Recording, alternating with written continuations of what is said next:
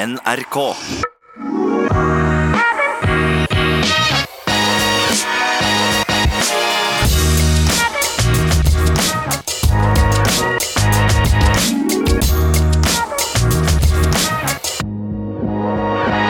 Da er det på tide å rulle i gang en ny episode av I det lange løp. Velkommen skal dere være.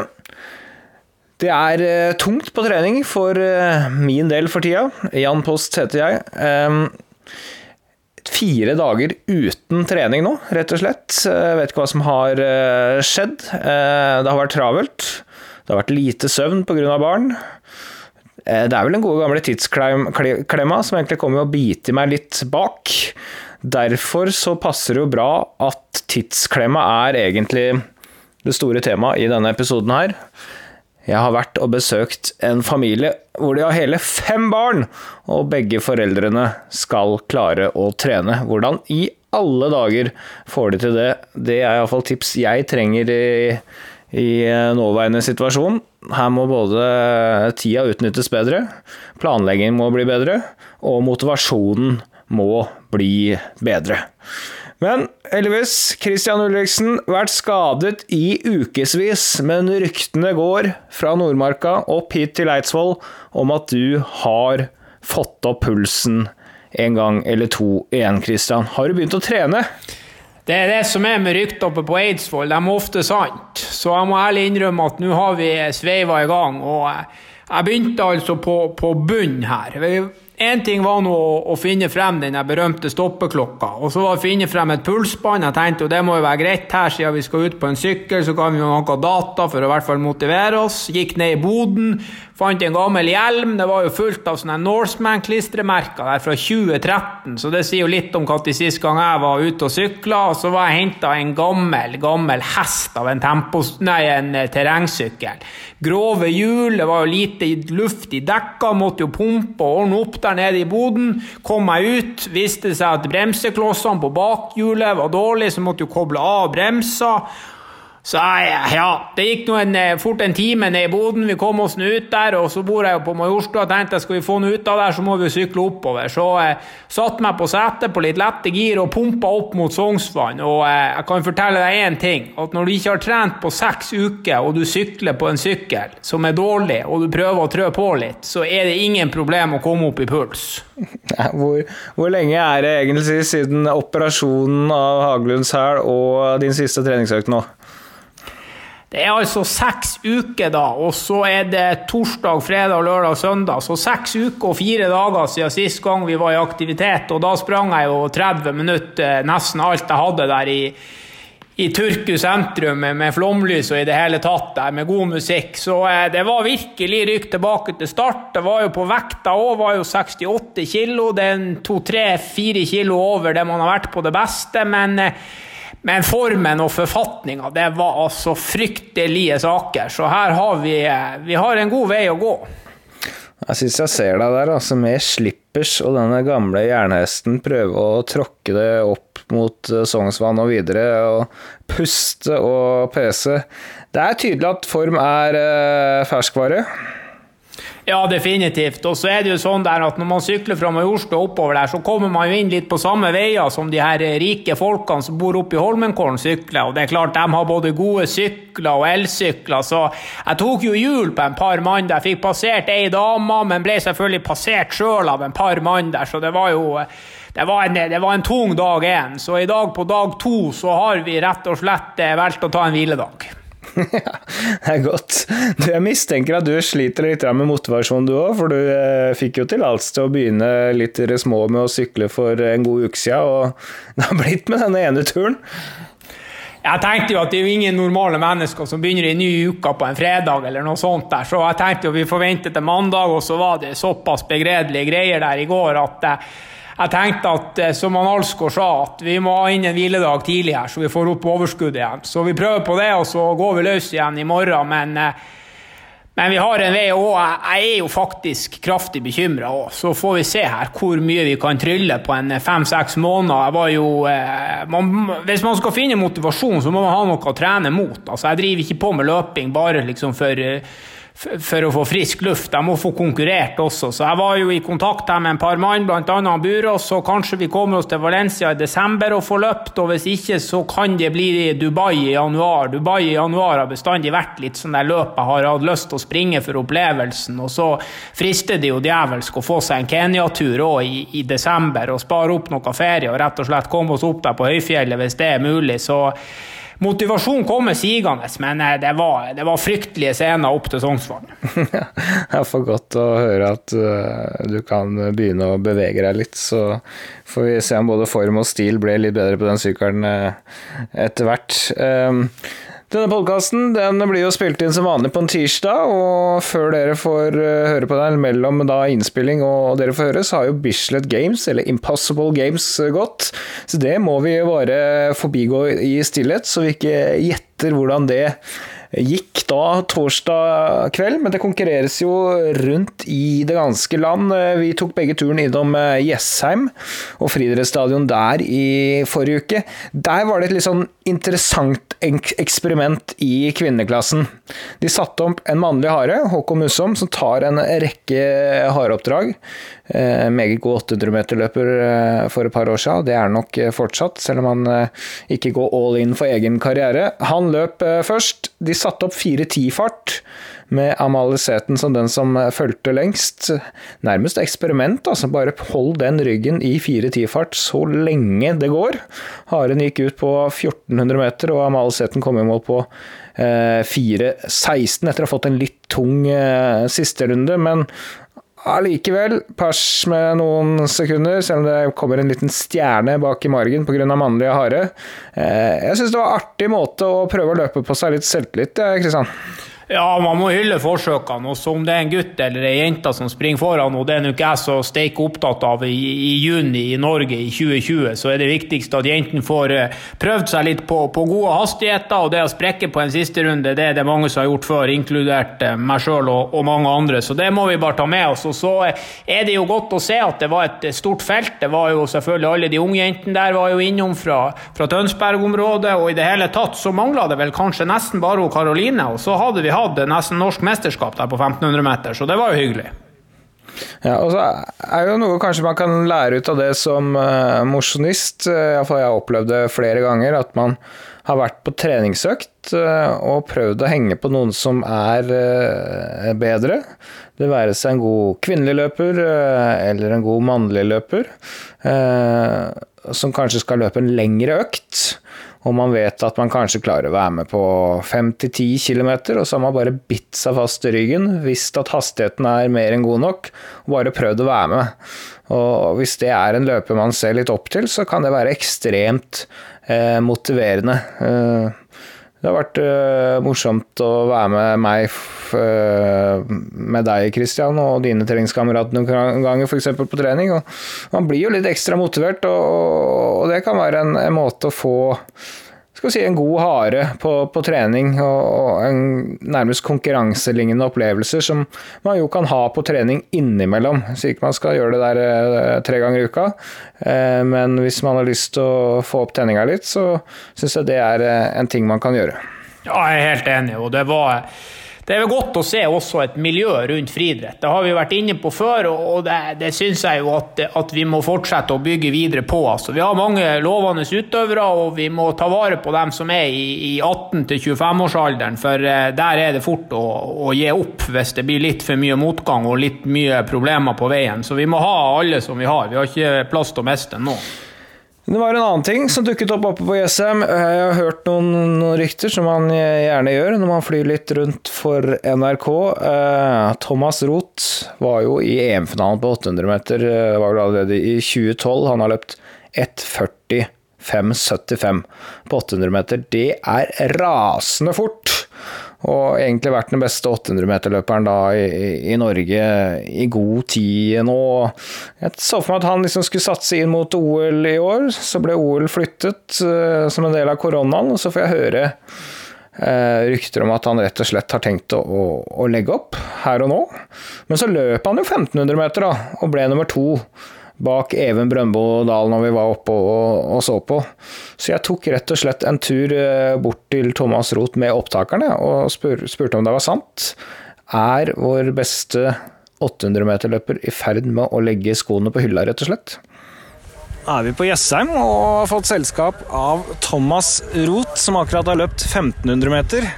Det stemmer ikke helt med det ryktet jeg har hørt, for det ryktet sier at du er i ferd med å legge opp. Eh, hva skal vi tro på her nå, den løperen vi ser utpå her, eller, eller ryktene? Nei, det er, det er eh, ryktene som stemmer. Men eh, når det er lokalt sånn som det her, og slipper å dra steder og sove på hotellrom med folk du ikke kjenner, og flyplassopphold, så da, da, kan jeg løpe. Men det er grunnen til at jeg, at jeg har lagt opp nå, er litt pga. at jeg, det er de tingene som må til for å løpe på et høyt nivå, da, som treningssamlinger og hotell og sånn. Det er jeg lei. Og eh, å konkurrere sånn som det her, det går fint. Og jeg har ikke enda noe særlig med treninga treninga noe heller, for det, er det jeg liker. Men konkurreringa er er jeg da litt ferdig med. Tok det lang tid å komme fram til den beslutningen? Du har jo vært i norgestoppen i veldig mange år, og til og med vært innom EM-finalen og blant de raskeste på 800 i Norge i historien. Ja, nei, jeg har egentlig kjent, på, kjent ganske lenge at jeg, at jeg, skulle legge opp. Jeg har sagt, sagt hele tiden at det var eh, denne OL-sesongen at Eh, etter den her så skulle jeg legge opp. Og det var pga. at jeg kjente at dette litt mer motivasjon rundt det. Og så var jeg på treningsleir i eh, Flagstaff. Var i Flagstaff i en og en halv dag, for det var rett før koronautbruddet i Norge. Og da når jeg da, dro hjem, jeg satt meg på flyet eh, da, så kjente jeg at jeg ikke var så lei, lei meg for det, egentlig. At jeg skal, selv, selv om jeg bare, altså, skulle på treningsleir men, måtte, men dro hjem selv etter bare en og en halv dag, så det var helt greit. Og da går det Da er det en liten, liten bjelle som, som, ringer, og da tenkte jeg at ja, jeg tror jeg er der. Og jeg, jeg syns ikke det er noe synd, fordi at, for at når, når motivasjonen ikke er der, så kjennes det ikke ut som en byrde å legge opp, egentlig. Det, det er da det er riktig. Hvis jeg måtte lagt opp hvis jeg hadde vært skada, så hadde det vært en helt annen sak. Um, det hjalp ikke at OL ble flytta et år, at det er håp for Tokyo neste sommer? Jeg, jeg, jeg, jeg tror ikke det. Altså Da må jeg i så fall løpe bra lokalt slash nasjonalt.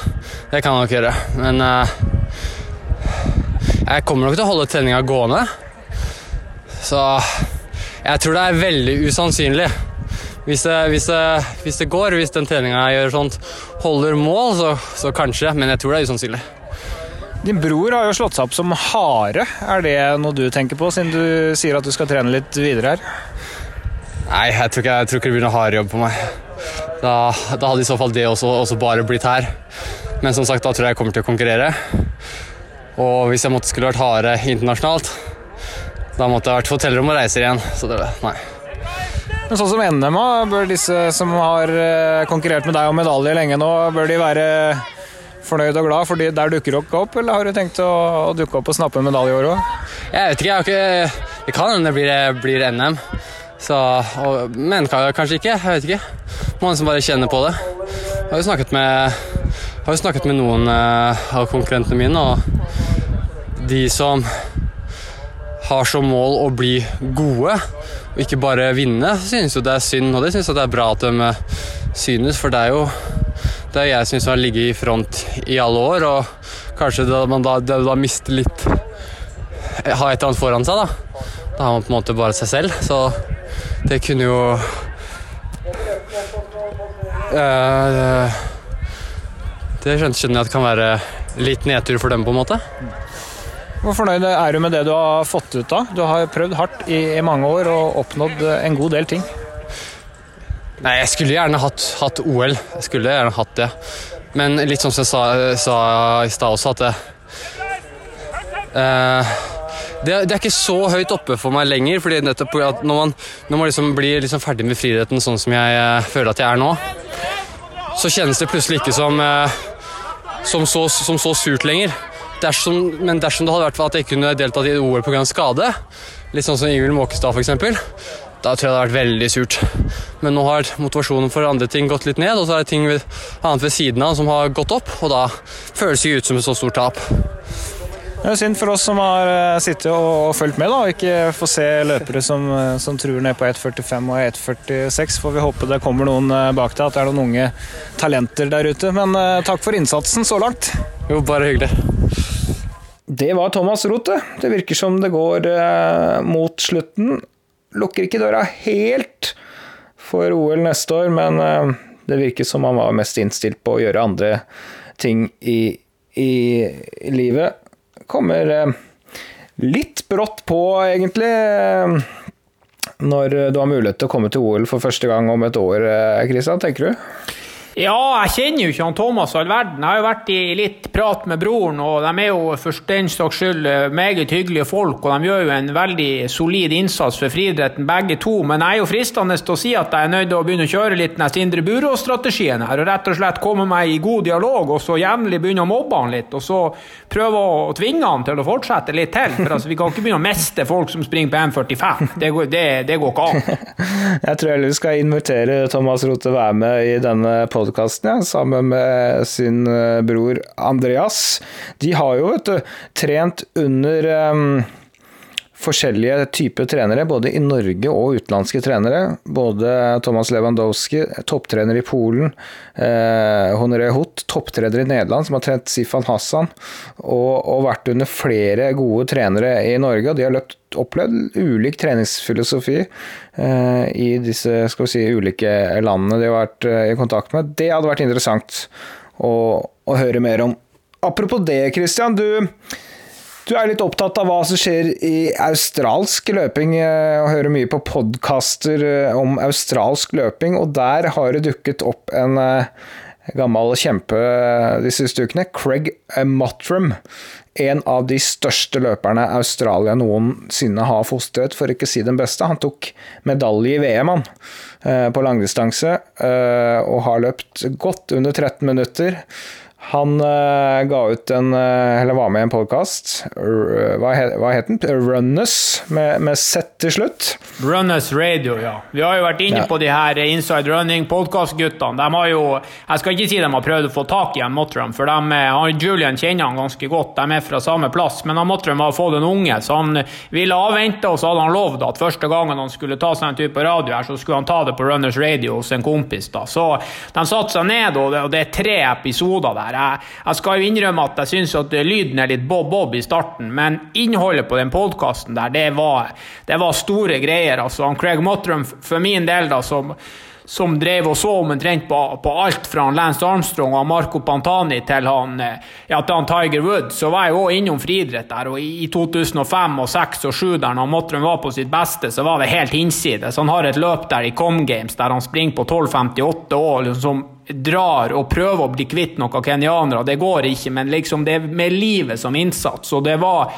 det å høre Mottrum komme med treningstips, prate om, om bunnsolid treningsmiljø, og det å høre at en, en mann springer 140-150 km i uka, men på et sånn der tirsdag, torsdag, eh, lørdagssystem med intervall, men på dagene imellom rett og slett må, må jogge la med jentene for at han eh, i en periode begynte å springe for fort på, på rolige turer, og, og, fremgangen stoppa. Så når han var tilbake la med jentene igjen, så, så ble det, det ble fart på saken. og så er han jo av en helt annen skole enn en Ingebrigtsen-guttene som driver på med dobbel terskel. Her snakker vi om et, et gjennomsyra australsk system fra, ja, fra gammelt av. Jeg skal ikke si fra, fra 60-tallet, men, men, samme som Monagetti og guttene i hvert fall brukte på 90-tallet. Der det kjøres baneøkt på tirsdag, og de kjører en, en tempo eller en fartslek på en torsdag, og så er, det mye, er de mye i sånne der halvlange bakker på, på lørdager. Og så ble det konkurrert radig, og jeg syns jo at det var, det var givende å høre Mottrum fortelle der òg, liksom, veien mot han Bekele og mot han eh, godeste Haile Gebre Selassie, liksom, at det, det, var ingen stopp. Her var det liksom eh, Han mente sjøl at det, det, siste forskjellen på han og de andre, det var den der sinnssyke trua på seg sjøl, da. Så han mente at hver dag han våkna, så var det mulig å bli verdens beste, og han prøvde alt han hadde. Han sa òg at han eh, nesten ikke kunne gjort noe annerledes, så det var jo også rått å høre. Ja, det er jo interessant. da, Han løper jo, har jo en pers på 5000 som er 6-7 sekunder bedre enn Jakob Ingebrigtsen sin norske eh, rekord. Det gjorde ting litt uh, annerledes. Det er flere veier, veier til rom, men gjennomføringskraften og, og, talentet var så absolutt til stede for Motter. Men det finnes jo en del informasjon ute på nett og i, form av podkaster nå av gode løpere og hvordan de har gjort ting. Så det er, det er mye inspirasjon å hente.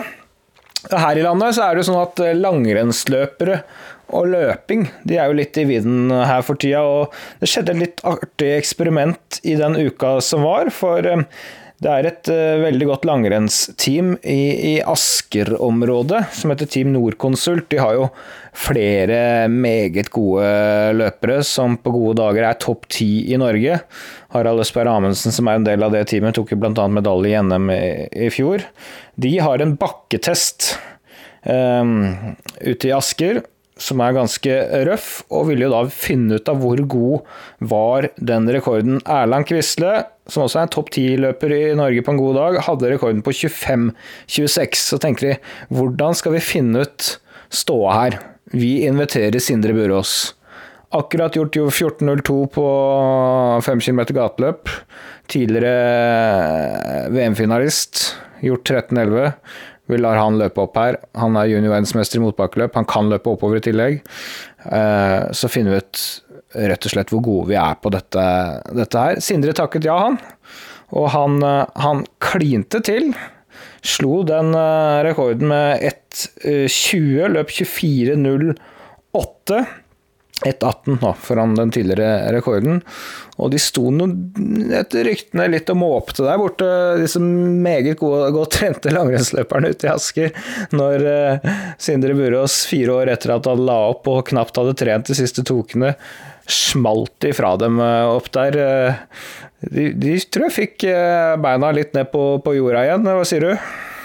Ja, Sander Burås han er jo et, det er jo et kapittel for seg sjøl. Og bare at han er i joggesko, at han har på seg en singlet og, og, i det hele tatt, det er jo ekstremt gledelig. Og nå skal han jo til og med nu, Ja, nå kommer det her på fredag, men nå skal han jo bidra med, Hans Indre da også, som, som, alle får se dagen før. Så vi prøver å lure han litt i gang, Hans Indre. Nå er han ferdig med en bachelorgrad der på den kunsthøgskolen, og det liksom det, det, det, kan hende at det ikke er over, altså. Jeg fikk jo en, eh, en henvendelse fra Thais Nauhaus så der, ikke sant? dansken der som lurer på hva i Guds navn hans indre har holdt på med. Sist gang han sprang mot Thais var i 2011, og, og, da var de like gode. Thais har trent alt han kan hver dag, og det har gått snart fem år, og, og hans indre har ikke trent, og fortsatt er de like gode. Ja, det var litt, jeg syns det er tøft gjort da, av langrennsløperne og Team Nordkonsult. og å hente inn, inn Sindre, som er nærmest spesialist på akkurat det han gjør der. Det er nok få i Norge som slår ham på akkurat det, og så liksom bare eh, få satt en standard. Hvor gode er vi egentlig? Nå fant vi det ut.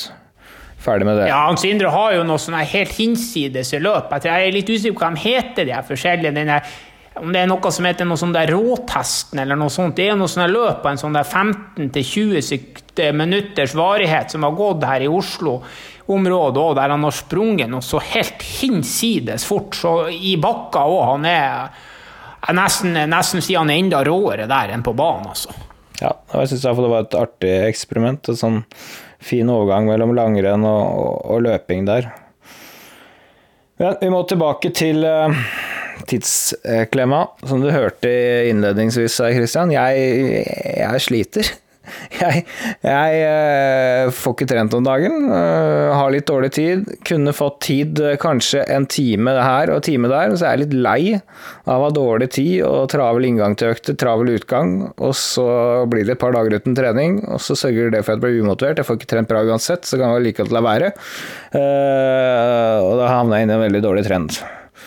Så dette må gjøres noe med. først så skulle jeg gjerne hatt noen tips til økter. La oss si jeg har en 50 minutter til en time da, til rådighet. Har du noen tips til sånn, effektive økter som, hvor du får mest mulig ut av uh, si 50 minutter? Ja, jeg tror jeg hadde dratt i gang en god gammeldags fartslek. altså. Prøvd å, å få litt kontinuerlig løping med litt opp og ned på fart. Ikke brydd meg så sinnssykt mye om verken terreng eller, eller tid per kilometer. Og så kanskje kjørt litt av den der treninga som Renato Canova gir mye til, til Hans Sondre Nordstad Moen. Sånn der to minutter på, ett minutt av, og så mot slutten kanskje kjørt ett minutt på, ett minutt av. Så hvis du hadde kjørt ti ganger 2-1, så er jo på, på 30 minutter, og så kunne du kjørt ti ganger 1-1, så da er du på 50 minutter. Og så kan du jo bruke de, de første dragene egentlig på å sveive i gang kroppen. Man trenger jo ikke å dra ut og kjøre 20 minutter oppvarming med drill og full pakke, og så kjøre intervall. Det går jo an å springe seg inn i økta òg uten at, at det nødvendigvis skal skal være så veldig sånn strukturert. Og det er klart, for, for, folk som har dårlig tid og må ut og få value for, for minuttene, så, så, trenger man altså fem minutter oppvarming hvis man springer litt progressivt. Så er man rimelig rask. altså han Burås var jo inne på sjøl, han drev og jobba her på løpelab, hadde en time til rådighet og sprang ti ganger 1000 med oppvarming og nedjogg og fikk dusja og var tilbake på butikken på en time. liksom. Det, det, det skal jo nesten ikke gå an, men, men det viser at er du effektivt, så er det mye som er mulig. Ja, skal sies at han løper 1000-meterne ganske kjapt unna, så det går litt kjappere. Kanskje jeg skulle kjørt åtte ganger 1000. Men eh, ja, jeg er enig, det er oppvarming. Eh, hvis du ikke har noen spesielle vondter, eh, kjøre en, en, en, fem minutter litt progressivt, og så kanskje løpe seg litt inn i økta, der du tar litt piano på, på første del av hardøkta. Det går veldig fint. Jeg har blant annet løpt 1000 meter av og på, hvor jeg løper kanskje 25 sekunder saktere annenhver kilometer, så presser jeg litt annenhver kilometer. Og hvis jeg da løper den sakte kilometeren først, eh, for meg ofte sånn 3.50 til 4 blank, eh, så går det ganske fint på, på minimal oppvarming, og så blir det en, sånn, nesten en del av oppvarminga. Og så, så trøkker jeg til på nesten til kilometer, og så leker jeg litt med farta fram og tilbake annenhver kilometer. Da syns jeg jeg får ganske effektiv økt, og så kanskje det blir fem minutter nedjogge, ikke noe mer, da. Det andre er jo at hvis man har litt god tid senere på kvelden, når ungene har lagt seg og man får lasta opp økta, så går man inn der og, og så kikker man på litt splitter og sånn der, kanskje det, eller litt puls, så, så, vil du jo få se etter en sånn fartslek hva slags fart det var, og litt eh, hvordan følelsen kjentes ut der. Og, og det, er jo ingen, det er jo ingen problem å bli nok sliten. altså På en fartslek så er det jo bare å springe eh, veldig fort eh, litt for tidlig, så blir det jo tungt nok på fartslek også. Ja, og så gjør det ikke noe at det er liksom varierende vei. altså Ofte når jeg skal løpe eh, hardøkt, så liksom, jeg må dra til et sted hvor det er flatt og det er fint.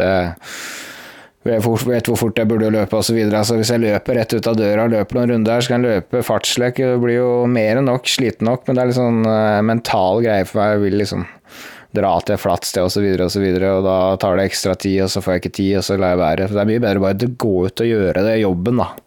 Uh, så jeg må skjerpe meg litt, rett og slett. Uh, ja, det var iallfall noen tips, og nå skal vi få flere. Fordi at uh, jeg har dratt til uh, Strømmen. Og der har jeg møtt Gunhild Maria Hugdal og Harald Torgersen. Et ektepar som til sammen har fem barn å holde styr på. Disse er i midten av 30-årene. Og har en litt spesiell historie. Gunhild begynte jo å løpe veldig, veldig seint etter å ha født flere barn, og var vel på fjerde barnet før hun begynte å konkurrere. Mens Harald kanskje ble litt slakkere med årene og har eh, gjort et litt sånn eh, comeback. Trent seg opp igjen i, i pappaperm til å komme seg i god form.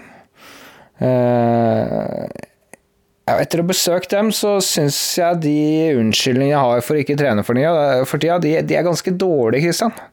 Ja, og du har tross alt jeg skulle si fast arbeid, men det har nå jeg òg. Men du har nå i hvert fall to unger og i det hele tatt en litt annen jobb enn det jeg har. Og jeg sliter jo sjøl med motivasjon, og eh, jeg har jo ingen andre enn meg sjøl å, rett og slett få, få, tatt sammen her. Så det er jo eh, Personlig har jo ikke unnskyldning i hele verden for å ikke komme meg ut av den døra. Så vi vi må, vi må, tilbake her til rota, Jan. Vi må, vi må finne en motivasjon, og vi må, vi må, ut og gjøre jobben, vi som alle andre. Ellers så tror jeg noen andre må overta den podkasten her, for da er vi jo ikke idrettsutøvere heller, eh, lenger, vi heller. Da er vi jo kun kommentatorer.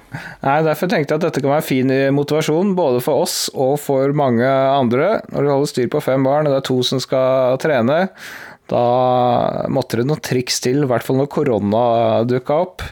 Og det skal sies at etter etter, rett etter dette opptaket er gjort, så satte Gunhild ny personlig rekord på trening på halvmaraton med 1,31. Og Harald han var da hare med to unger i løpevogna. Så sånn er det det foregår. Eh, Jeg anbefaler bare å lytte gjennom dette her, så kanskje dere får motivasjon til å komme dere ut på trening. Være litt strukturert. Det er mye som er mulig. Vi tar turen til eh, Strømmen.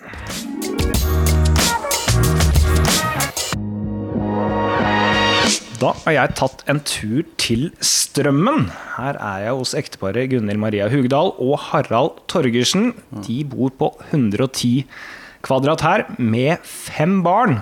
Og begge har lyst til å trene for å komme seg best mulig i form til å f.eks. løpe fort på en halvmaraton. Og da starter vi med bursdagsbarnet.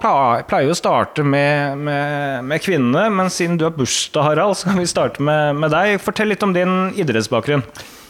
Ja, eh, jeg har i dag 35-årsdag, det har jeg jo. Eh, min idrettsbakgrunn det er opprinnelig så drev jeg med håndball i mange år, men jeg la opp i 2004. Da fikk jeg en eh, ørliten sesong i Eliteserien for Kristiansand håndball. Og etterpå det så ble det ja, så begynte jeg å studere litt sånt, og kom det noen sånne godkiloer på. Eh, og så begynte jeg vel i 2010-2011 å løpe litt. Eh, begynte med Paris Maraton, Oslo Maraton, 2014 Ironman. Eh, og så eh, kom det litt sånn unger og sånt etter hvert.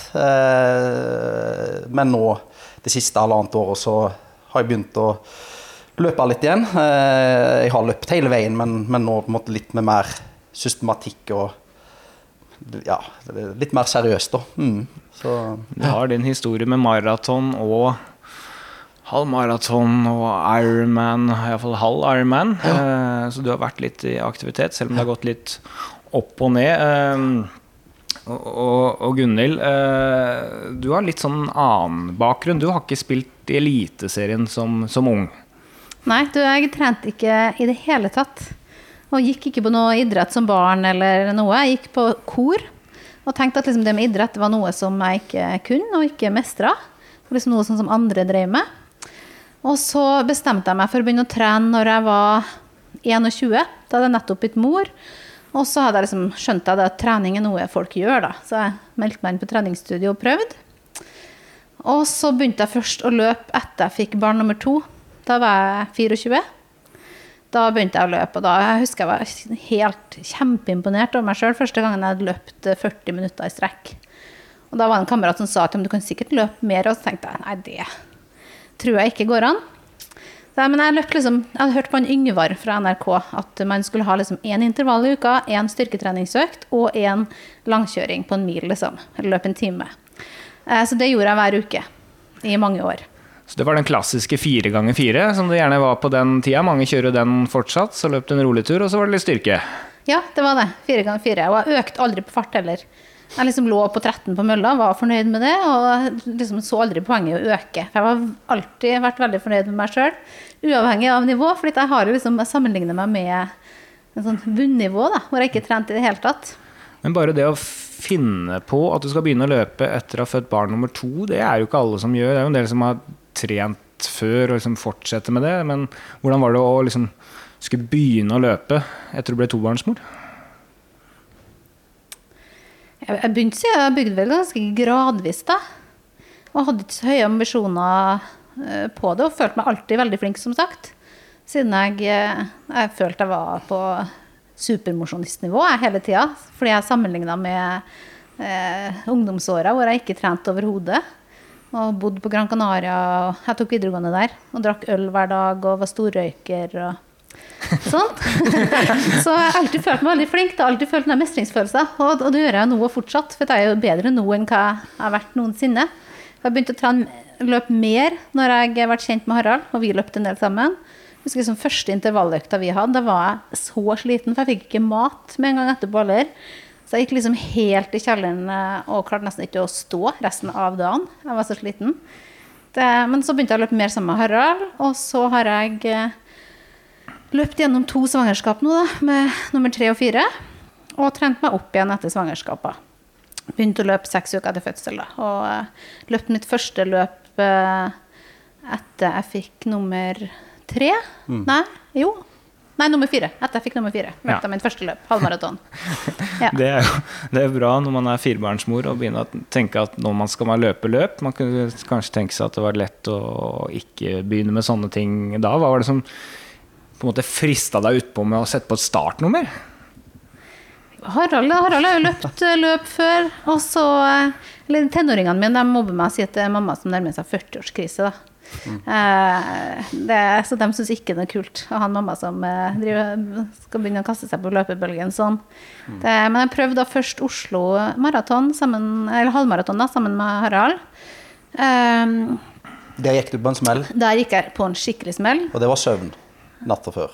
Ja, søvn og så. Jeg har jo ikke prøvd å løpe før, så jeg Ja. Ja, men da, da kan jeg skryte litt av det, for at det liksom eh, går på en smell, sier du, og sånne ting, men du løper altså på 1,42 sju måneder etter å ha født barn nummer fire i ditt liv. Jeg synes ikke, vil ikke si at det er en smell, jeg vil si at det er en kjempeprestasjon. Riktignok så løp det en måned senere seks minutter fortere, da, 1,36, og du hadde mer inne, men eh, hvordan du i det hele tatt fikk til det, skal vi høre litt mer om etter hvert, men, eh, men det er jo La Harald skryte litt av det. Det er jo fantastisk bra. Det er fantastisk bra. og jeg tenker Det som jeg òg må, må si, det er liksom å følge henne gjennom to sånne tette svangerskap. Altså, Vi var jo mye nede på Sats, og du sprang på den mølla. Altså, du sprang jo nesten helt til fødestua på disse møllene. Eh, og det tenker jeg liksom at det, det har vært en eh, Ja, jeg, jeg må si at det, har vært imponert altså, over hvor mye innsats du la ned. Eh, og, og, men det har vært så inspirerende. Det hører jo til. Jeg sa at jeg begynte å trene ordentlig igjen for halvannet år siden. Eh, da hadde vi barnepass på Sats. Så det er klart for oss to med så mange unger og sånne ting, så var jo den barnepassen på Sats halvannen time med pause eh, fra livet. eh, Og da kunne vi jo på en måte ha en løpedate på ei tredemølle eller gå og løfte litt vekter og sånne ting. Så, så, så det er klart at eh, en del av denne gode formen har jo sin forklaring i at det var en, en slags avlastning og påfyll i hverdagen nå. Så det, det hører til, det jo. Trening kan være, være så, så mangt når man kommer inn i det. Men uh, la oss høre litt mer, uh, Harald. For Ja. Vi hørte at du har jo eh, en idrettsbakgrunn. Du har vært helt oppe på eliteserienivå i håndball før du begynte å løpe maraton og var innom triatlonverden. Mm. Mens Gunhild har trent mer og mer etter hun traff deg, så ja. kanskje du, du tok kanskje litt mer med ro en periode der. Ja, jeg vil nok si eh, ja. Altså, du ble nok mye mer inspirert i en sånn periode. Jeg hadde nok kanskje en sånn liten eh, en dal en periode. Eh, hva det kommer av, det vet jeg ikke. Altså, jeg, jeg følte nok sånn når du skulle ha startnummer på Oslo og halvmaraton og sånn, så følte jeg som ok, jeg skal, skal gjennomføre, og så skal jeg følge deg, liksom, tenkte jeg. Eh, Men så tror jeg på en måte at det, det blir en sånn synergieffekt. Når den ene får på nummer og sånne ting, så, så ble jeg inspirert. Og så så jeg jo det at gjennom de svangerskapene, altså når hun hadde født ut disse ungene, så var hun nesten bedre form enn meg. Eh, og da tenkte jeg at eh, jøye meg, eh, hva, hva er det du, du gjør? Og da, slår det konkurranseinstinktet, da. At det, det, det, det skal ikke skje at Jeg har sagt at ungene, altså fram til jeg er 55-60 da er det ingen som skal være i bedre form enn meg, ikke unger og heller ikke kona. Jeg tok en nesten sjø, mellom svangerskap nummer tre og fire. Eller da var jeg egentlig bedre enn deg. Så jeg følte nesten som et svik, for at hun kan ha trent seg opp under svangerskap nummer fire. Da begynte jeg. Ja. Så det begynte med at eh, Harald inspirerte deg, Gunhild, men så ble du så god at han måtte jaggu skjerpe seg selv. Så dette er, dere har god effekt på hverandre, vil jeg si da. Eh, Men la oss gå litt til den situasjonen vi er i nå. Altså, dere bor jo her i en eh, leilighet, den er jo stor nok den, men med fem barn da mellom 1 og 18 år boende her. Eh, Så tenker jeg hvordan får man i det hele tatt trent noenlunde strukturert med den hverdagen? Hva er trikset deres for å få trent for tidsklemma? Det, det, det må jo komme og bite dere av og til. Ja, det må du. Det gjør den, altså.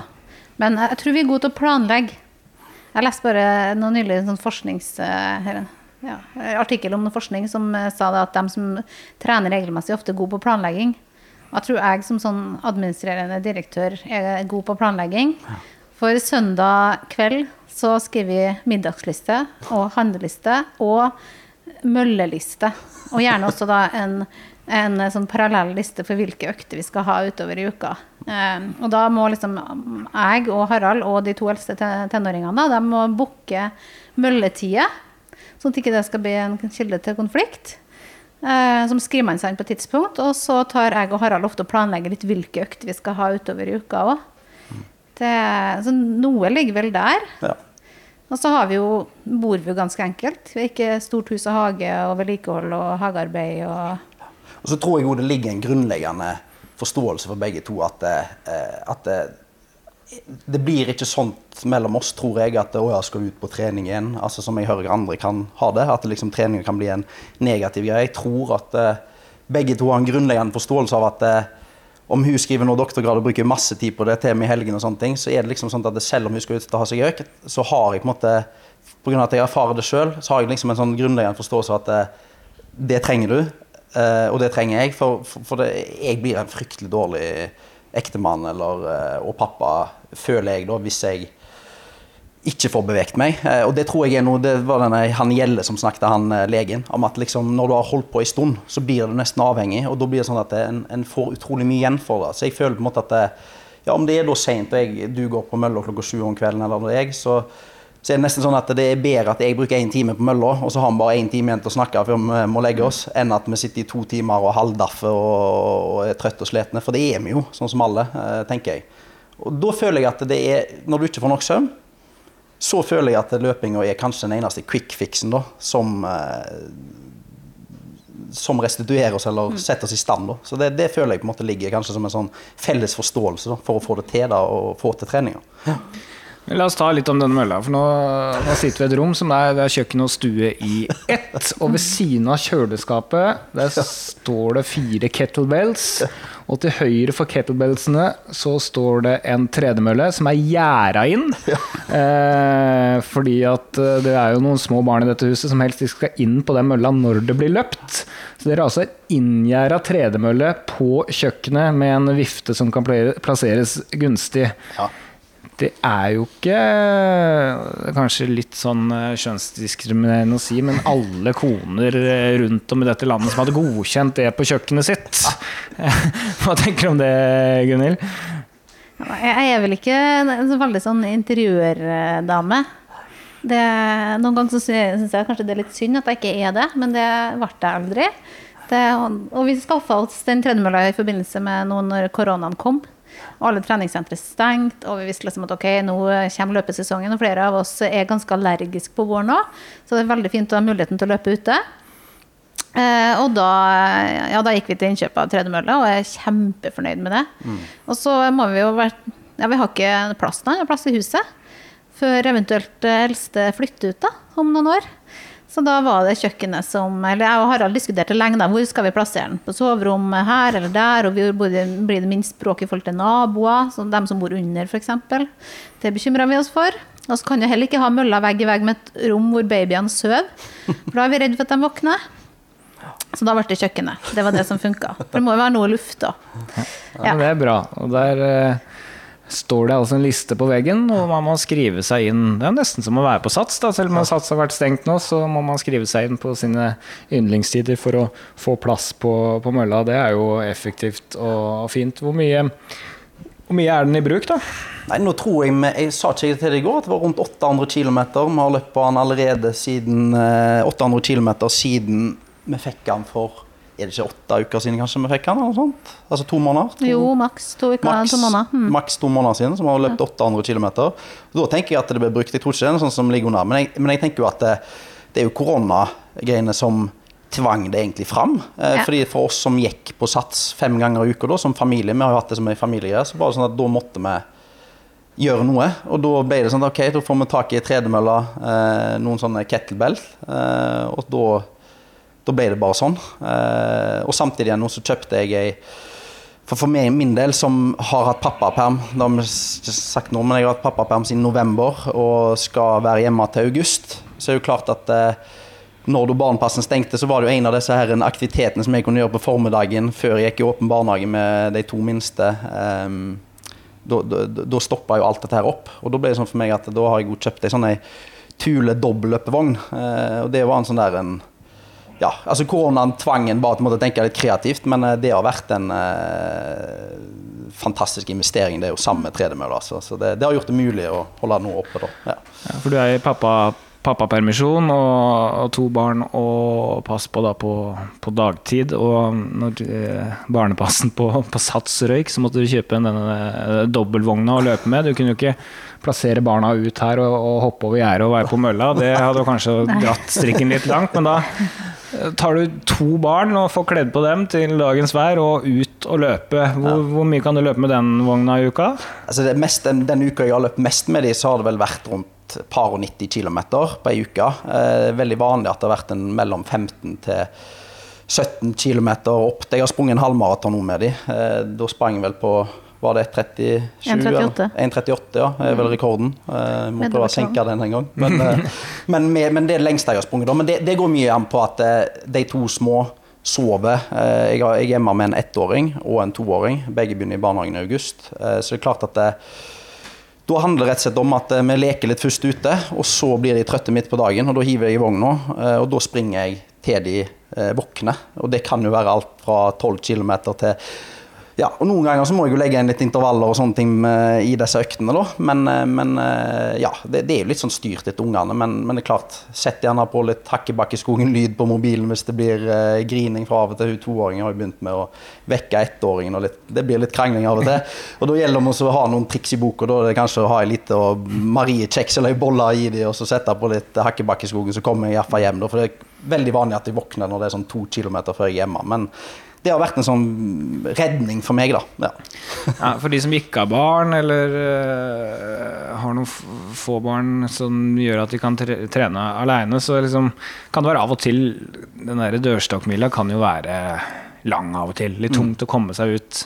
Når du da i tillegg skal kle på et par unger, prøve orden på dem, sovetid osv., da, da ser jeg for meg at den derre dørstokkmila kan blir veldig tung å komme over. Hva, hva er som er trikset ditt for å komme deg ut i den situasjonen? Det er fort gjort å velge noe litt mer lettvinte løsninger, vil jeg tro. For, for, å være helt ærlig, så må jeg jo si det at når jeg er hjemme nå, så lenge siden jeg har vært siden november, heldigvis blir det lysere og lysere ute og bedre vær, men så må jeg nok innrømme det at eh, tanken min er jo det at når jeg kan sette ungene opp i denne vogna, eh, de sovner, putte på noen AirPods, så, så har jeg jo bare tid Da har jeg liksom tid for meg sjøl.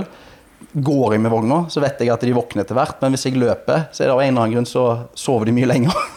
så, så, det er på en måte en, eh, min motivasjon der handler nok om at eh, jeg får litt alenetid. Eh, og det får jeg med en dobbeltvogn. Så du føler liksom du gjør et arbeid, men samtidig så får du være litt uh, alene. da. Ja.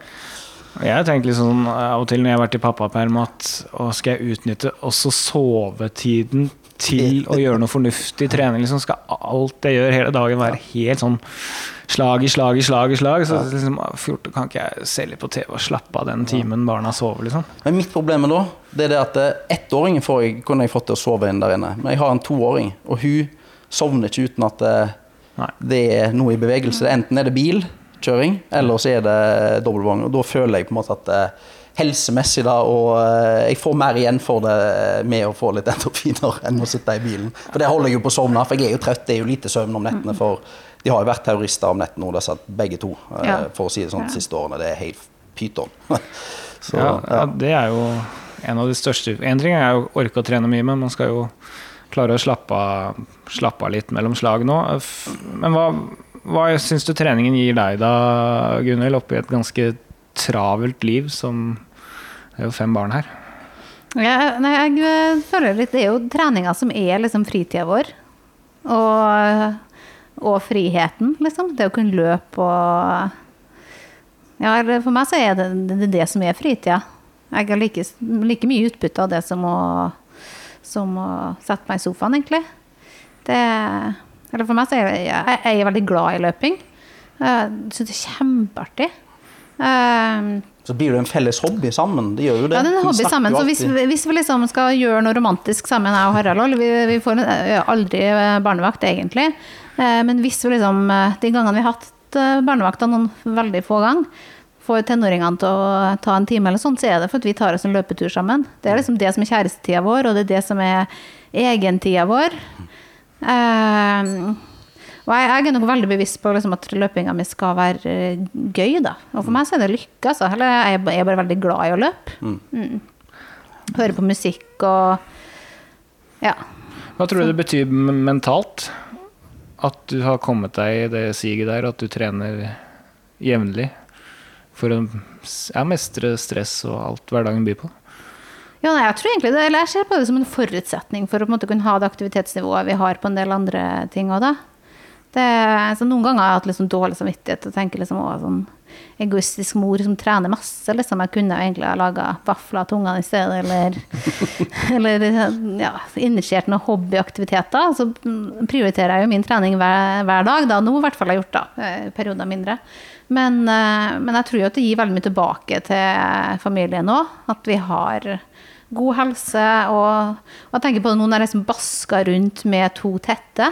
Og særlig liksom det å være høygravid med nummer fire, mens nummer tre var bare ett år og sånt. Det er jo så fysisk tungt at jeg fatter ikke hvordan jeg skulle ha klart det hvis ikke jeg hadde liksom en sånn ok eh, basistrening i bunn, da.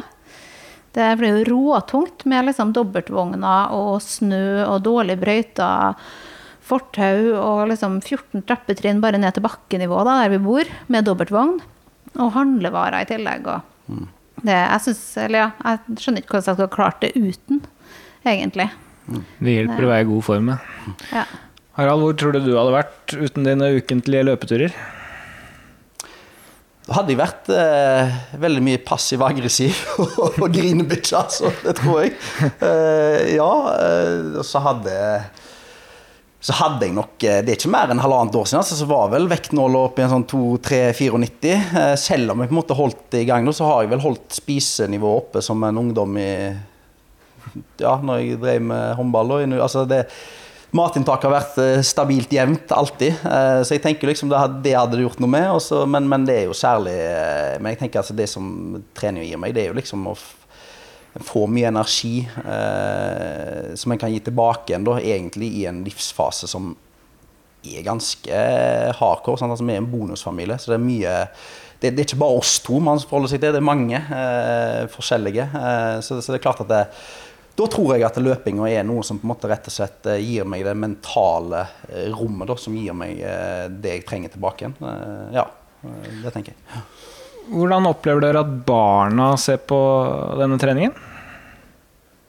jeg opplever at de syns det er positivt, liksom. Eh, de minste eh, Ja, hva vil du si, Gunnar? Jeg, opplever det. De to jentene dine de springer jo på mølla. Ja, de har jo fulgt i mine fotspor, da. Eller jeg ser jo det. De eldste tenåringene. De eh, trener liksom minst tre ganger i uka. De, skriver seg på liste. de skriver seg på liste, og eh, hun 14-åringen har liksom eh, nylig hatt kyssesyken og har nå begynt å, å trene seg opp igjen. Eh, Så hun er oppe i at hun kjører liksom 15 minutter løping på økta, nei, løping på mølla annenhver dag. Mm. Og hun eldste, hun hun løper jo mye for eh, å være liksom fit for eh, de her løpetestene på skolen, da, for å beholde gymkarakteren sin. Og for å slå gutta på elektro, som hun eh, går i klasse med. Um, så de har jo egentlig De har jo lagt seg på en sånn moderat treningslinje, dem òg, egentlig.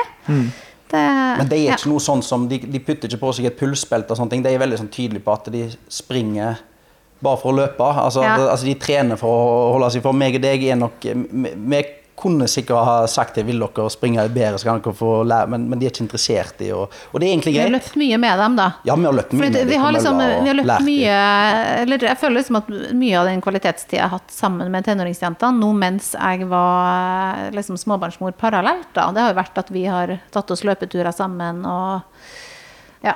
Og jeg husker når jeg, ble, eh, når jeg var gravid med nummer fire, så eh, var jeg Visste ikke jeg det ennå, men jeg sto på mølla da, og løpte en fire ganger fire med hun som nå er 14.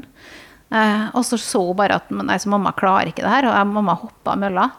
Og da, da sa hun det. Når jeg hoppa av mølla, så sa hun at du er gravid, mamma. Liksom. og det hadde hun rett i, da. Det er liksom på løpinga jeg merker det først, liksom. At uh, det Det er graviditetstesten Ja. avslørt. ja. Ja, men, ja, men det er bra. Eh, Men dere som, som eh, Har dere noen løpemål, eller trenere for å holde dere i form og livet gående, holdt jeg på å si? Eller har altså- dere konkrete mål?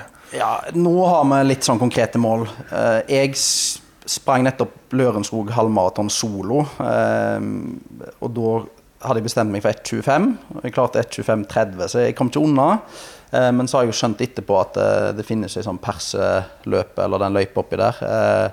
Så nå har jeg vel sagt at jeg skal prøve ja, om noen uker. Jeg, har, jeg har en drøm om å komme unna 1,20. Det er liksom Og så får jeg se hva jeg tar etter der, da. Men 1,20 tenker jeg er realistisk. Eh, Maraton og disse lengre distansene, det har jeg utelukket litt, fordi det handler rett og slett om hva som er realistisk å få tid til som familie. Jeg har ikke tid til fire timer langkjøring på søndag, liksom. Eh, men halvannen time, det går fint. Ja. Eh, og så har jeg jo et lite mål. Hun skal prøve å komme seg unna 1,30.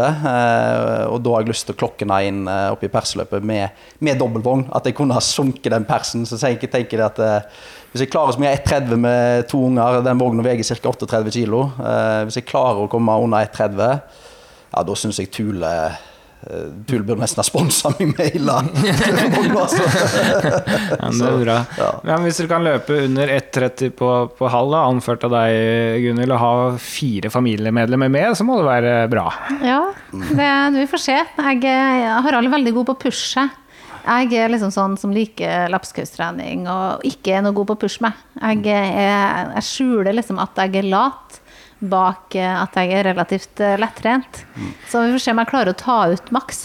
Hvis du kaller deg lat, og i praksis her i hvert fall er fembarnsmor og holder treninga i gang og er i innspurten på en doktorgrad, så er det en del av oss som får litt problemer med selvbildet, kjenner jeg. Um, Men det er nå så. Men eh, 1,30, er det et mål du kan stille deg bak, eller? Jeg, løpt, jeg drev og løpt sånn halvmaraton eh, så på egen hånd nå det siste. Der jeg, der jeg liksom ikke Der jeg ikke pusher med maks, og der pulsklokka mi liksom, den eh, regner alltid for kort. Har vi sjekka med Harald sin og sånt. Men da Uten, uten vann sprang du. Uten vann, ja, ja. ja. Altså, ikke noe god løype. Men da lå jeg på sånn 1,37 og sånt. Ja. Så jeg, jeg, kan, jeg har ganske mye mer å gå på. Eh, Det tror jeg. Da kan det være håp. Ja. Men hender det at, eh, at trening blir årsaken til noen krangling her i huset? Nei, Egentlig ikke. For både jeg og Harald er ganske eh, rause med hverandre på at mm, Jeg vet sjøl hvor viktig liksom, treninga er for meg. At jeg blir utafor liksom, hvis jeg ikke får trent. Og det er ikke alltid jeg skjønner det sjøl engang. Så Harald liksom, kjenner meg bedre enn jeg kjenner meg sjøl. Og så sier han Gunhild, bare ta 30 minutter på mølla, liksom, og så snakkes vi etterpå. Og da har jeg det fint igjen, jeg. Det, så jeg tror Harald eh, praktiserer eh, happy wife, happy life. Ja, det var det han gjelder på den podkasten som sa. Ja. Jeg tenkte det er meg. Ja. Det, Det har han hørt fra meg uten han har snakket med meg. Ja. ja, jeg gjør litt det samme, for jeg vet liksom at vi, vi funker best. Ja. Jeg jeg har så stor forståelse for at Harald trenger å få trent, for at jeg vet, kjenner så godt meg sjøl på det at det, det, sånn er det bare. Vi har det best av. Det, Trent fordi du blir blid av det, er det noen i familien min, uten å røpe hvem det er, som sier òg. Så det kanskje ligger noe der. Ja. Men er all trening planlagt, eller er det rom for noen sånn impulsive økter i løpet av en uke, eller må alt liksom planlegges ned i detalj, og den Altså, planen må holdes? Ja, jeg, jeg for min del, jeg, og du, har blitt inspirert av meg. uh, altså jeg, jeg holdt meg først på den der en, Marius Bakken, det der en, eh, programmet hans som han kom med sikkert for ti år siden. der jeg holdt på med i perioder og sånne ting. Men så skal det ikke mer til enn at han uh, dette her en one hour challenge når dere begynner med å fyre på Strava med hvor langt du kan komme, så, og det kom noen sånne YouTube-greier, så, så har jeg hengt meg litt på det, bare rett og slett for å bli inspirert. Men sånn generelt så er det liksom to-tre sånne intervaller i uka. eh, og så er det én langkjøring, eh, og så er det noen sånne rolige halvtimer innimellom, liksom. Eh, så, så, men men det, det er litt sånn forskjellig hva det kan være. Men det er ofte 1000-metere, sånn som alle har, tenker jeg. Eh, og litt sånne lengre intervaller av og til. Eh, ja, så det, det er litt forskjellig, for å si det sånn. Men det, det handler litt om Det har vært veldig fint med disse her podkastene, Rønn og sånne ting, at en, en får nye impulser, og da tenker en bare ja, nå prøver vi litt det. Eh, Men selve ja. treningstiden er på en måte stort sett planlagt. Du vet når Ja. Harald skal trene, og Harald vet når vi har ikke noe slingringsmonn i hverdagen vår i noe vesentlig grad. Nei. Det har ikke vi. Eh, det har vi ikke. Typisk er jo for, eksempel for meg nå i pappaperm at jeg sa her at sånn som nå en dagen, sånn, så dro jeg opp til Losby, drar med på bondegård, og så løper vi litt innover jeg med ungene. En 20 minutter, 25, og så får de leke litt med vann, og så er vi der gjerne en halvtime, og så løper vi tilbake igjen, f.eks. Det kan være en sånn rolig restitusjonsøkt. Mine kvalitetsøkter er som regel når yngstemann på ett legges klokka seks, så legger jeg han. Hun på to legges klokka sju. Så når jeg da har lagt han med seg for han til å sove da til halv sju, gjerne, så er det på en måte for meg å bare gå på mølla, for da på den timen da, så har du lagt Anne på to. Ja. Så det er veldig sånn vanlig at mine økter går i sånn eh, ja, mellom seks, sju, åtte tider, liksom. Eh, når jeg skal mine kvalitetsøkter, f.eks. på en tirsdag eller en torsdag. Ja, det er veldig vanlig. Vi har liksom noen luker, men eh, uten, liksom, man må bruke de lukene. For det er ikke Vi har ikke noen slingringsmann i logistikken utover det. Nei. Det har vi ikke. Og legging av, legging av ungen bør gå som normalt for at treningsøkta skal kunne gjennomføres. Hvis noen nekter Ja. å sove osv., så, videre, så ryker det. Ja. Nei, det blir senere, da. Jeg har liksom senere. gått på mølla klokka ni, liksom. Ja. Ja. Det som ofte skjer der, er at man blir fryktelig våken, så får man ikke sove når man skal, og så blir man trøttere dagen etter, og så har du det gående. Det, er- det er sånn vanlig hjemme hos meg, da. Men ja. jeg- Kan du det kjøre kjenner en jeg rolig økt da? Hvis jeg går det er mulig at hvis jeg hadde hatt fem barn, så hadde jeg vært så sliten at jeg hadde sovna uansett. Så kanskje hadde jeg unngått den problematikken. Men en ting jeg kjenner litt på av og til, er at jeg blir litt lei av at alle treningsøkter er pressa på tid. Det er travelt i forkant, det er travelt i etterkant. Og så er det sånn, hvis jeg ikke starter nå i løpet av fem minutter, så ryker dette her, på en måte. Det er, jeg, har på en måte det, jeg blir litt lei av det der stresset i forkant og etterkant. Og Ja. hender jeg bare uff, Nei, nå gidder jeg ikke. Ja. Jeg, ja, det kan jeg kjenne meg igjen i, men det som har vært veldig sånn fint nå, det er det som er mitt kort. Det er at Nå sitter hun i innspurt med doktorgrad.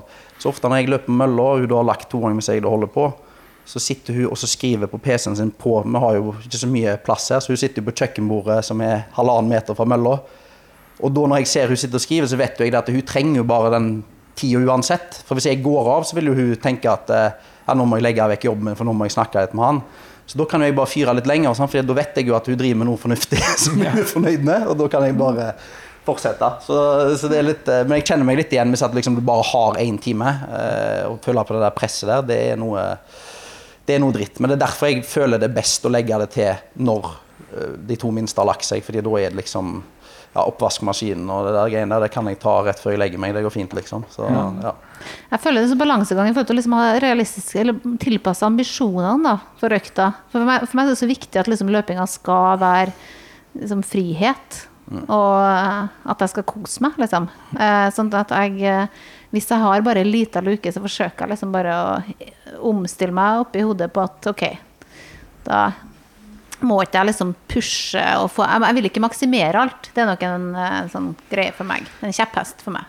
Men det er jo Det tror jeg er en bra, bra holdning, for at det er jo kontinuiteten som gjør at du holder den form du har, tydeligvis, mm. enn at du maksimaliserer alt. Altså det er viktigere at du kommer deg på, på trening om to dager igjen, neste uke, neste måned, om tre måneder igjen, enn at du absolutt skal vinne denne økta den ene tirsdagen, liksom. Eh, og at du klarer å ha kontinuitet på trening i den situasjonen, det må jeg si jeg er meget imponert over, så det skal, det skal du ha. Um, skal vi prøve å oppsummere litt eh, for folk som har det travelt? Hva skal til for å, å, å klare å trene? En ting Jeg kan spørre et spørsmål. Jeg, jeg er litt fan av det som kalles usynlighetstrening. Dvs. Si at jeg får trent, eller kona får trent, så resten av familien knapt merker at den treninga blir gjennomført. Det kan være tidlig på morgenen, det kan være seint på kvelden, det kan være når unge sover, eh, når det er fast barne-TV-tid, et eller annet så unga knapt merker at jeg er borte tre kvarter, en time. Eller på morgenen. Gjør dere noe av det? Ja, smy, vi, ja, begge to har jo noen ganger smøget inn på slutten av en arbeidsdag. Vi skriver jo doktorgrad begge to, og da er det noe med at eh, det blir ikke god tekst om du liksom sitter og trykker sju timer i, i eh, strekk. Det er en fordel å liksom få en bitte liten pause. Og så har vi en fantastisk arbeidsgiver som har gitt oss Ja. eh, i særavtalen to timer med trening i, i uka. I uka. Så da, blir det jo litt sånn du føler at det er greit å ta et brekk. Ja. ja. Så du kan ta liksom korte, kort økt på slutten av arbeidsdagen, eller kort økt liksom midt på, midt på dagen, da, før man går tilbake til skrivinga. Eh, og det er jo en ting mange kan dra nytte av og hvis man kan legge inn trening i forbindelse med transport til jobb. Da. Det er jo, kommer jo an på hvor man bor osv. Men Ja. det er jo en del av denne usynlighetstreningen. Ja. For man vil jo bruke tid til å transportere deg til og fra jobb, og hvis det ikke tar noe spesielt mye lengre tid, enten å hoppe av toget noen stasjoner for tidlig, bussen, eller man bor i passe avstand, så er jo det glimrende usynlighetstrening og, Ja. og meget bra, bra trening. En ting jeg må spørre om, Når denne korona var på sitt verste i Norge, alt var stengt ned, barnehager, skoler Åssen var det her da? Ja, det var, liksom, de første ukene var eh, litt krevende. For de yngste skjønte jo ikke at jeg eh, hadde hjemmekontor. De eh, ville jo helst ha mamma sammen med seg hele tida, og Harald eh, og ungene hadde liksom mista hele det formiddagstilbudet sitt i form av åpen barnehage, og alt, alt var jo stengt. Og det var intenst. Vi har jo ett bad, bare. Eh, og så eh, Men Jeg vet ikke om du har klart oss jeg- fint, ja. egentlig. Ja.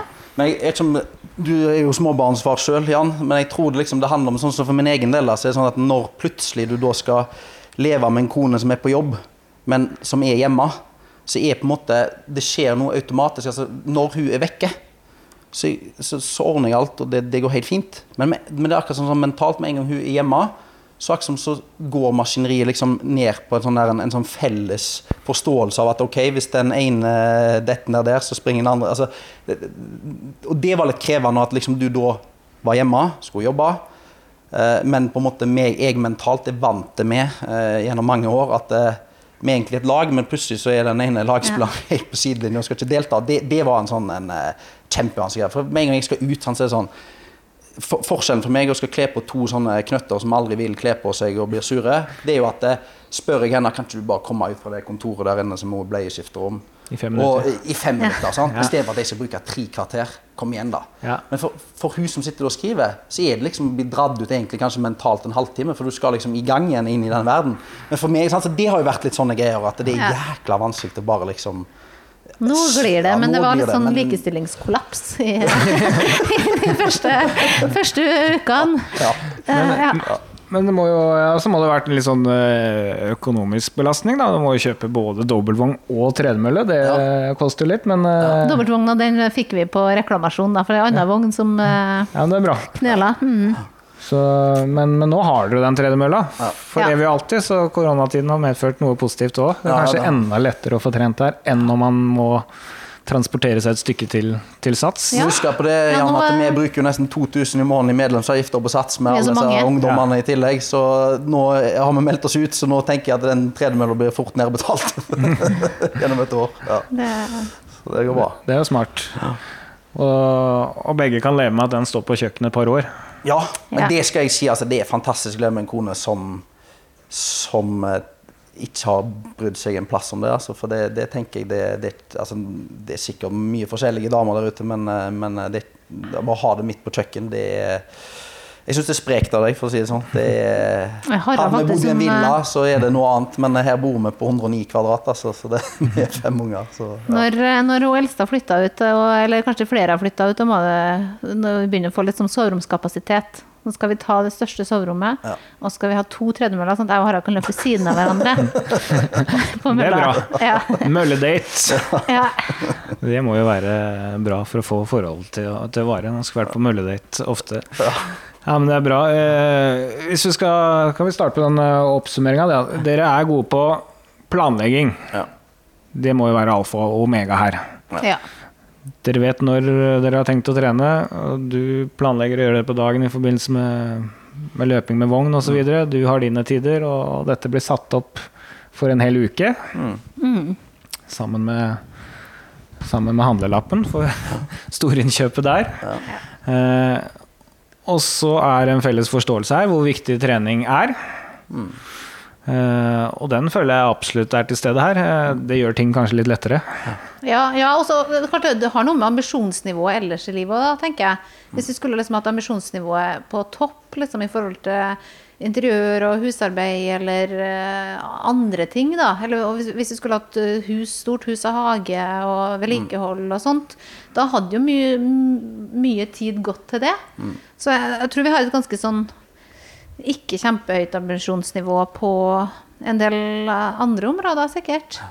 Jeg tenker at eh, vi har andre som veldig vanlige familier eh, i tilsvarende situasjon har jo en stor bolig der det burde ha gjort en del ting. Vi bor jo i en uh, rekkehusleilighet, så det er klart at vi har jo minimalt med sånne ting. Eh, så det er jo en fordel. Men jeg tenker nøkkelen i å få til det som vi driver med, men det tenker jeg jo er et tips for alle, det er jo denne, dette her med at en setter seg ned på søndagen og planlegge både den innhandlingen, men også plotte den. For da har du allerede tatt og bestemt deg, istedenfor at du sitter og tenker ja, hva skal jeg trene i dag, eller skal jeg gidde i dag? Og det er jo økonomisk, for du får både den handlinga i boks, og så det Ja, så får du den oversikten, da. Så det er liksom sånn, jeg tror ikke det er bare et tips for folk som trener, jeg tror det er for de aller fleste. Så er det mye å hente i. og Det er jo ikke så mye planlegging, men det er liksom at man setter seg bare ned på en sånn kvelden, og så snakker man om det. Og så er man ferdig med det. Da har mange bestemmelser allerede blitt gjort da, tenker jeg. Ja. Altså, så En ting er jo å planlegge, og det er jo bra, eh, men så er det dette med gjennomføring. Det er, det er en viss gjennomføringskraft her, eh, kjenner jeg på. Og det er ikke noe nøling. Når man har bestemt seg for å trene, så må man trene. Hvis ikke så ryker det. Og da har man jo litt press på seg, men, men eh, hvis man kommer seg i gang Først får gjort de første fem minuttene, så går jo det ofte av seg, av seg selv. Mm. Så der må dere jo være flinke. Og så er det, opplever jeg etter den samtalen her, at man kanskje er fornøyd med at ikke all trening blir 100% perfekt. Blir det tid til et par drag mindre, eller kanskje det blir en rolig tur man skulle trene altså Man tar den sjansen man har, og så får man gjort noe trening, og, og litt er mye bedre enn ingenting. Mm. Uh, det kjenner jeg at jeg sliter litt med mm. av og til selv. At man Å, nå skulle jeg gjort den økta. Å, det blir ikke helt tid til det. Nå dropper jeg alt. Mm. Da burde jeg skjerpa meg, vet du. Så gjort noe. Uh, så der virker det som dere, dere er flinke. Uh, så det det må jo være noen tips på veien, iallfall. Mm. Sammen kanskje denne usynlighetstreningen, som jeg kaller det. Som, mm. som, hvis man har mulighet til, kan være bra for eh, hele familien. Stå opp litt tidlig en dag. Det er klart at ja, Hvis unga ja. står opp klokka halv seks, så blir det seigt å ha gjort økta på forhånd. Ja, ja. det går ikke. Men så tenker jeg òg at for folk som er i permisjon og sånne ting altså, det, det, er ofte, altså, det har jeg eh, tenkt litt på i det siste. Det er jo veldig mange som sett ungene sine foran eh, TV-en eh, osv. Gjerne ettåringen, toåringen, og så sitter de, og så plutselig så går det en time eller annen. Da. Og Av og til så sitter jeg sånn, sånn som toåringen og så blir jeg litt sånn utålmodig i ting, Så er det sånn OK. Om hun da får en iPad i, i, i løpevogna eh, og sitter og ser en halvtime en episode Peppa Gris, hva er forskjellen da? Det vil jo være mer vind at vi kommer oss ut og pappa får eh, bevege seg litt. Og hun, om hun ser på iPaden eller om hun sitter her inne, det er det handler jo litt om hvordan man ser på sånne ting. Du føler jo på walk of shame men når du springer med løpevogn og sitter noe med en iPad, men, men, men, hvorfor ikke? Altså, det går an å tenke altså, vi legger det jo inn i dagene, liksom i rutinene for øvrig. Så, ja. så det er liksom, mens de sover og eventuelt våkner litt da, så ja. er det løping, og så lekeplass etterpå. Liksom. Ja. ja. for jeg tenker at hvis, hvis de da opplever at du har blide, mer opplagte foreldre i etterkant som eh, orker å være med på mer, mer lek, mm. og ikke da plasserer eh, foran skjerm igjen, så, så, er det jo en vinn-vinn. Og, og, du har jo kutta ut i de, Du har skjønt at maraton er kanskje ikke greia akkurat nå. Å gjennomføre to og en halv, tre timers langturer er det kanskje ikke rom for akkurat nå, men Nei. Kanskje. Om fem-seks år så er det mulig igjen. Ja, og Da tenker jeg jeg har fått en god base. Men halvmaraton det tenker jeg er, er, det som er realistisk da, i den livsfasen vi er i nå. Og gjør det ok der. liksom. Mm. Men Er mål noe viktig oppi der? Er det viktig å ha et mål for å ha liksom noe som trigger en, en litt? Eller ville dere klart å trent like bra uten noe mål? Jeg synes det er greit å ha et mål. Eller, altså, det har vært veldig gøy nå når jeg har begynt å sette meg mål. Jeg har egentlig aldri satt meg mål før eh, liksom, jeg møtte Harald, som er en helt, litt mer sånn ambisiøs uh, og disiplinert type enn meg på akkurat det med trening. Jeg syns det er gøy å ha et mål, altså. Mm. Det, men, jeg syns det er sånn balansegang. For det målet kan bli slitsomt òg. Ja. Hvis, ja, hvis jeg blir for opptatt av det. det jeg, passer, jeg er veldig nøye på at løpinga skal være gøy. Det, jeg tar på meg liksom, eh, øreproppene og hører musikk og føler jeg danser, liksom. Jeg er nok egentlig mest sånn Egentlig så er jeg genuint lat, eh, vil jeg si. Så jeg, ofte så er det ikke sånn at jeg syns det er så veldig gøy, altså. Men jeg bare gjør det. Jeg må ikke liksom alltid tenke på at nå det er ofte at du har merka på at jeg er sur før jeg skal ha meg i løpeøkt. Ja, det, det handler ikke om deg, det handler bare om at jeg gruer meg litt til å komme i gang. Altså, for egentlig så er jeg veldig glad i å slappe av. Men, men, så har jeg liksom kommet inn i denne stimen. da. Jeg tror litt på det som hjernelegen sa, at jeg har på en måte blitt avhengig. Eh, så da bare gjør jeg det. Men det som gjelder med mål for meg, det er liksom denne, den lille, men store forskjellen er at f.eks. nå når jeg ser at jeg vil komme meg ned på 1,20-tallet på en halvmaraton, så er det sånn at hvis jeg kjører lange intervaller, så bestemmer jeg for at jeg må ligge på 3,48 fart. punktum. Men hvis jeg ikke hadde hatt det målet, så hadde jeg sprunget litt mer sånn, ja, hvordan føles det? Så hadde jeg gjerne lagt meg på fire blank. Det er kanskje den store forskjellen på å ha et mål og ikke at jeg liksom bare låse meg fast i mølla, eller låse meg fast et uh, Det blir sånn mentalt, da. Så vil sikkert noen si at du burde ha sprunget mer på følelsen, men uh, for meg så blir det litt sånn da, at det målet disiplinerer meg så at jeg strekker meg. Ja.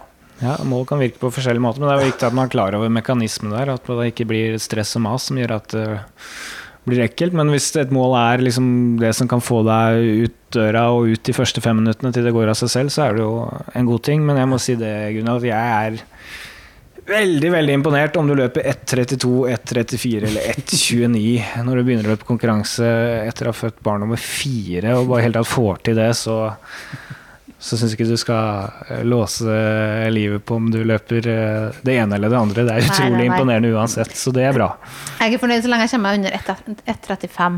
Liksom. Da skal jeg være fornøyd. Det er bra. Et, sånn, et 30-målet er litt mer sånn Harald sitt. Harald eh, sånn, sånn sjekker liksom ja, Gunhild lå ikke liksom høyt i pulsnoler. Liksom sjekker økta mi på Strava og det, det Mens jeg, jeg er litt mer lat. Ja, da kan vi, vi sjekke dere på Strava, så kan vi finne ut hvordan det går med, med treningen deres framover. Jeg er hvert imponert om at uh, jeg kaller det litt fabrikk jeg, når det er fem barn og, og to foreldre som skal trene og det ene. At dere får dette til å gå uke ut og uke inn, det, det er imponerende.